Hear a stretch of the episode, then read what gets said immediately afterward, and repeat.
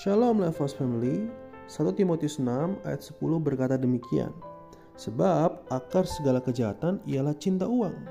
Dan karena memburu uanglah beberapa orang telah menyimpang dari iman dan menyiksa dirinya dengan berbagai duka.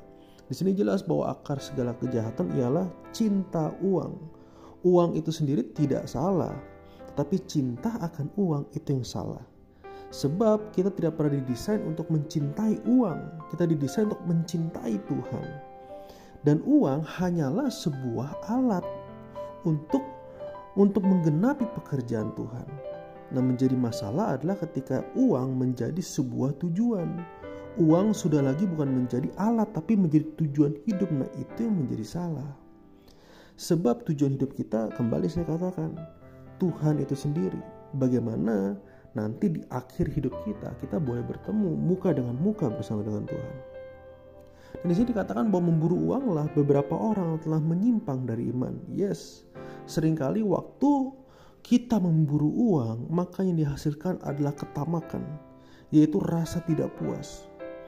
Targetnya oke okay, harus segini. Nanti udah sampai target segitu, dia pengen lagi naikin targetnya lagi. Akhirnya terus menerus hidupnya memburu uang.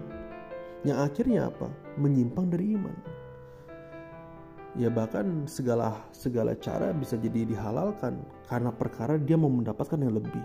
Nah ini kan ak akhirnya menyimpang dari iman, menyimpang dari integritas kita. Yang harusnya kita boleh hidup jujur, jadi hidup korupsi. Yang kerja kita bisa hidup secara kudus, tapi kita jadi menggunakan uh, uang itu untuk hal-hal yang tidak kudus. Nah ini kan jadi membuat kita menyimpang dari iman, menyimpang dari kesetiaan kita kepada Tuhan. Sebab harus harus kita ketahui bahwa iman ngomongin juga tentang kesetiaan. Kalau kita dikatakan beriman kepada Tuhan berarti kita setia kepada Tuhan. Tapi uang sering kali membuat kita menyimpang dari iman. Artinya menyimpang dari kesetiaan kita kepada Tuhan. Dan itu ya, ya itu sangat tidak baik buat buat kehidupan kita. Yes, kita perlu kebutuhan, yes, setuju. Tapi kembali, uang itu hanyalah alat Tuhan. Dan kemudian ayat ini juga ngomong berkata bahwa orang yang memburu uang akan menyiksa dirinya dengan berbagai duka. Ya, sebab ini ada ada sebuah apa ya, ada sebuah goresan yang mungkin mirip tapi berbeda. Kalau kita bandingkan dengan waktu kita mengikuti Yesus. Mengikuti Yesus pun rasanya sering kali memang punya beban berat yang tersendiri betul ya. Tetapi hasilnya itu tidak pernah duka cita saudara. Selalu sukacita. Berbeda dengan orang yang memburu uang ia menyiksa diri, berjuang mati-matian, tetapi endingnya duka cita. Hanya kita yang memburu Tuhan yang mempunyai uh, ending sukacita. Nah ini ini yang, yang menurut saya wow ini keren banget. Sepertinya selaras perjuangannya gitu ya, mati-matian gitu ya. Tetapi endingnya berbeda.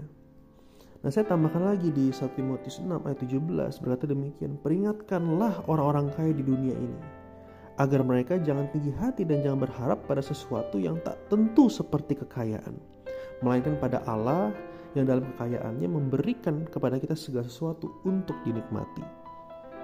Mari kita jangan tarik konteks ini mengerucut kepada orang kaya, tapi di sini kita mau mau mau berkata bahwa setiap kita yang memiliki kepercayaan uang gitu ya, hati-hati jangan tinggi hati jangan sampai kita mengalihkan pengharapan kita kepada Tuhan, jadi pengharapan kita kepada uang bahwa uang bisa menyelesaikan segalanya.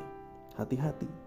Dan ini menarik sekali kalimat ini. Allah yang dalam kekayaannya memberikan kepada kita segala sesuatu untuk dinikmati. Artinya, waktu kita tetap berharap kepada Allah, maka bukan rasa tidak cukup yang kita miliki waktu kita bekerja dan lain sebagainya, tetapi apa rasa cukup, rasa bersyukur. Karena kita tahu bahwa apa yang Tuhan titipkan kepada kita harus kita kembalikan kepada Dia dan apa yang Tuhan kasih sebagai alat itu untuk kehendak Dia. Jadi ini luar biasa sekali. Allah memberikan kita segala sesuatu dinikmati. Artinya ada rasa ucapan syukur, ada rasa cukup di situ.